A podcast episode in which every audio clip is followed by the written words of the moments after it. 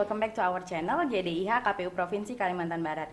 Nah kali ini dalam bincang-bincang kita pada hari ini e, bersama narasumber yang merupakan seorang akademisi dari Universitas Tanjung Pura Pontianak yang juga merupakan tim pemeriksa daerah yang dibentuk oleh DKPP Republik Indonesia.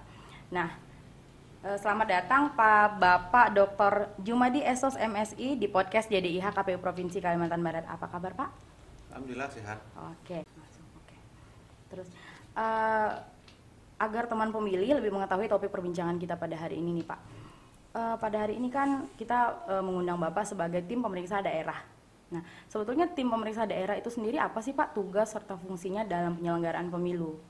Ya, kalau kita mengacu ke Undang-Undang Nomor 7 Tahun 2017 tentang apa namanya mengatur tentang pemilu, hmm. salah satunya mengatur tentang penyelenggara Berdasarkan nomor 7 itu yang dimaksud dengan penyelenggara itu ada tiga. Komisi Pemilihan Umum, yang kedua adalah Bawaslu, dan yang ketiga adalah DKPP.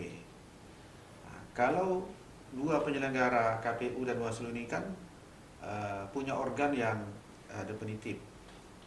Sampai dari provinsi, kemudian kabupaten kota dibentuk. Dia tidak bersifat ad hoc. Hmm. Nah, DKPP tidak punya organ Nah, oleh karena itu diamanahkan dalam Undang-Undang Nomor 7 itu ada organ yang sifatnya ad hoc. Disebutlah disebut dengan TPD, hmm. Tim Pemeriksa Daerah DKPP RI. Yang menjalankan fungsi-fungsi untuk menegakkan kode etik. Hmm. Jadi untuk TPD itu bersifat ad hoc. Ya, bersifat ad hoc di setahun kali kemudian di uh, ada proses rekrutmen lagi. Jadi inti keberadaan TPD itu adalah membantu DKPPRI itu dalam upaya untuk menegakkan kode etik hmm. uh, penyelenggara pemilu. Jadi itulah uh, esensi dari TPD itu. Oke. Nah, uh, kalau berbicara terkait pelanggaran dalam penyelenggaraan pemilu atau pemilihan nih, Pak. Yang dimaksud dengan pelanggaran kode etik itu sebetulnya apa, Pak? Seperti apa? Ya, pelanggaran kode etik itu lebih pada persoalan penyelenggara baik itu KPU maupun Bawaslu itu tidak taat terhadap kode etik hmm. uh, apa namanya sebagai penyelenggara. Jadi prinsip-prinsip penyelenggara itu kan ada 10 tuh. Uh, paling tidak misalnya dia mesti menjaga kemandirian, menjaga netralitas. Hmm. Nah, ini prinsip-prinsip yang seperti ini mesti dijaga. Uh, oleh karena itu uh, apa namanya kode kode etik yang seperti ini yang mesti ditegakkan uh, oleh DKPP sebagai organ organ uh, organ apa namanya ad hoc di daerah. Hmm. Jadi uh, setiap penyelenggara mesti memegang teguh kode etik itu. Nah, kalau tidak memegang uh, kode etik itu, tidak memiliki integritas misalnya, tidak memiliki semangat kemandirian sebagai penyelenggara, tidak netral, nah, maka uh, penyelenggara dianggap sebagai melanggar kode etik. Jadi kode etik itu sudah jelas diatur nah, sebagai uh, penyelenggara. Hmm. Berarti mengutamakan integritas gitu ya Pak ya? Iya, integritas itu hal yang penting sebagai penyelenggara. Nah, karena memang eh, godaan utama sebagai penyelenggara itu adalah terkait dengan netralitas dan integritas itu.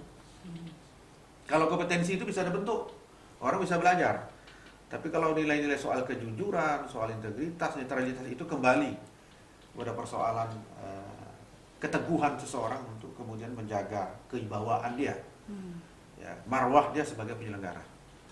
Oke. Nah, eh, terkait pelaksanaan pemilihan serentak di tujuh kabupaten di Provinsi Kalimantan Barat nih Pak.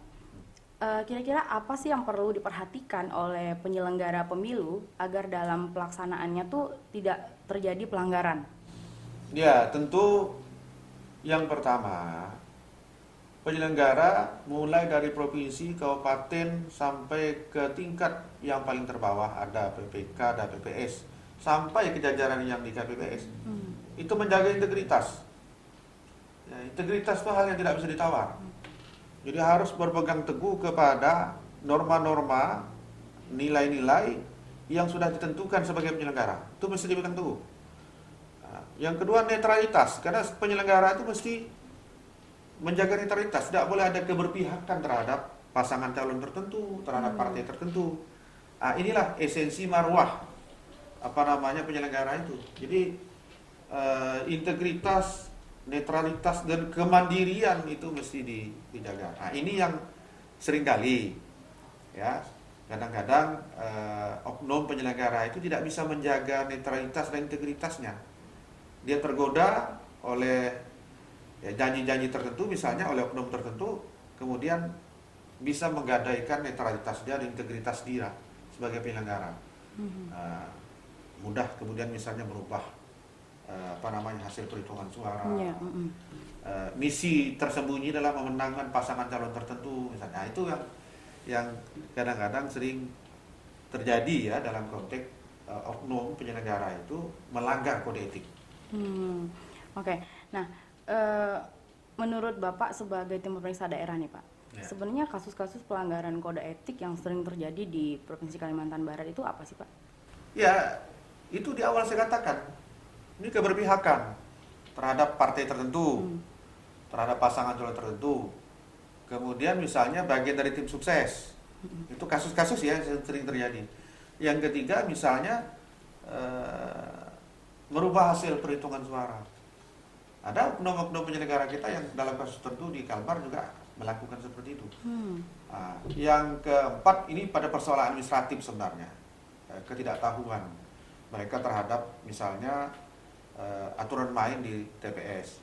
Nah, tapi kalau katakan sifatnya sudah mengarah e, menguntungkan satu pihak, maka itu dianggap sebagai sebuah pelanggaran e, kode etik. Jadi kalau kita berangkat dari kasus-kasus di Kalimantan Barat itu lebih pada persoalan itu, ya.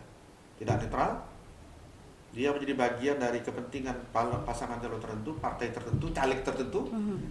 nah, jadi ujung-ujungnya memang soal integritasnya diragukan. Itu oh, aja. ya. Nah, terakhir nih Pak, eh, harapan-harapan uh, atau pesan-pesan yang Bapak bisa sampaikan kepada ya. teman-teman ya. penyelenggara pemilu atau pemilihan untuk menyukseskan penyelenggaraan pemilihan serentak di tujuh kabupaten di Provinsi Kalimantan Barat. Nah, yang pertama tentu uh, Bapak Ibu yang ditunjuk sebagai penyelenggara sampai ke level-level bawah itu mesti bersyukur. Hmm. Kenapa? Anda dipercaya sebagai ujung tombak menegakkan demokrasi. Jadi mesti bangga. Nah, dalam konteks itulah kemudian jaga kepercayaan itu. Ya, jaga kepercayaan itu dengan tetap mempertahankan integritas, netralitas dan kemandirian sebagai penyelenggara. Jadi marwah itu mesti dijaga. Hmm. Nah, jangan sampai eh, gara-gara hanya iming-iming tertentu kemudian Bapak Ibu penyelenggara itu terbuai dan melakukan pelanggaran.